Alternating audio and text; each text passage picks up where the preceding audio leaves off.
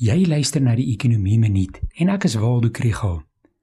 Die Suid-Afrikaanse ekonomie staar aansienlike uitdagings in die gesig en daar is net soveel wat die minister van Finansies en die begroting kan doen om dit aan te spreek. Die doel van die begroting moet wees om Suid-Afrika uit sy lae groei lokval te help sonder om in 'n skuldstruk te val. Die beste wat die begroting kan doen, is om tyd te koop om strukturele hervormings en werklike ekonomiese groei aan die gang te kry.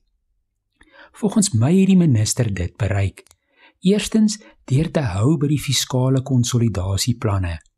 Ook deur belastingondersteuning aan huishoudings en maatskappye te gee en deur by die president se plan vir ekonomiese herstel en heropbou te staan met 'n fokus op infrastruktuurinvestering.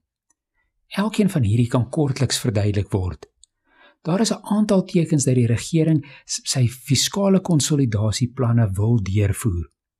Die ekstra belastinginkomste van byna 100 miljard rand in 2020-21 gaan gebruik word om die leningsvereiste en uitreik van staatsskuld te verminder.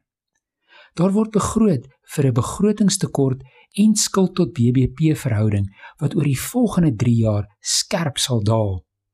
Dit is gebaseer op effens sterker ekonomiese groeivoorspellings wat hierdie verhoudings verbeter en ook belastinginkomste verhoog. Maar dit is ook gebou op 'n beperking van die groei van besteding. Die regering beplan om reeds in 2024-25 'n primêre surplus te behaal. Dit beteken dat die totale inkomste die nie-rentebesteding sal oorskry. As die vergoeding van werknemers uitgesluit word, sal die owerheidsbesteding slegs met 0,4% per jaar groei. In die toespraak het die minister gesê: "Ons werk saam met ons vennote in die georganiseerde arbeid om 'n billike vergoedingsbedeling in die openbare sektor te bewerkstellig." Maar wat die begroting betref, is daar 'n harde plafon vir die groei van salarisse. Salarisse in die openbare sektor word met 303 miljard rand verminder oor 'n 4-jaar periode wat 2020-21 begin het. Sosiale toelaas styg ook met minder as inflasie en dit beteken dat die begroting vir toelaas vir die volgende 3 jaar effektief met 2,2% verminder, hoewel die aantal begunstigdes na verwagting sal styg. Daar is ook slegs beperkte reddingsboei finansiering vir die Landbank, SAA en Eskom toegeken. Om tyd te koop vir die ekonomie om weer te groei, is daar aandag gegee aan die benarde posisie van huishoudings en ondernemings. Die voorgestelde belastingverhoging van 40 miljard rand wat verlede jaar in die mini-begroting aangekondig is, is teruggetrek Persoonlike inkomstebelastingkerwe word ook met meer as inflasie verhoog en dit is hoofsaaklik tot voordeel van middel- en lae-inkomste verdieners.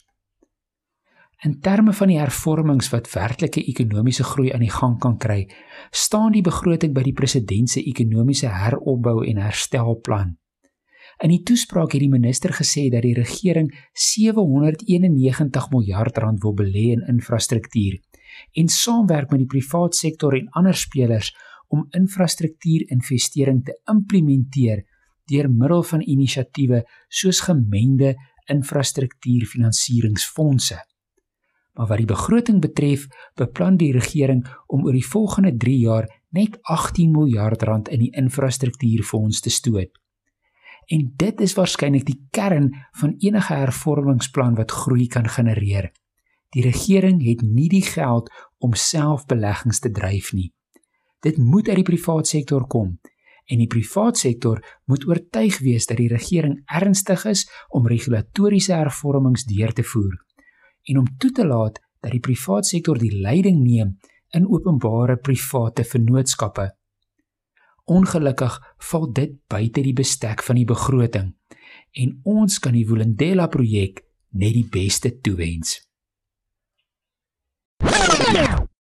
As jy meer van die ekonomie wil leer, volg die ekonomie blok.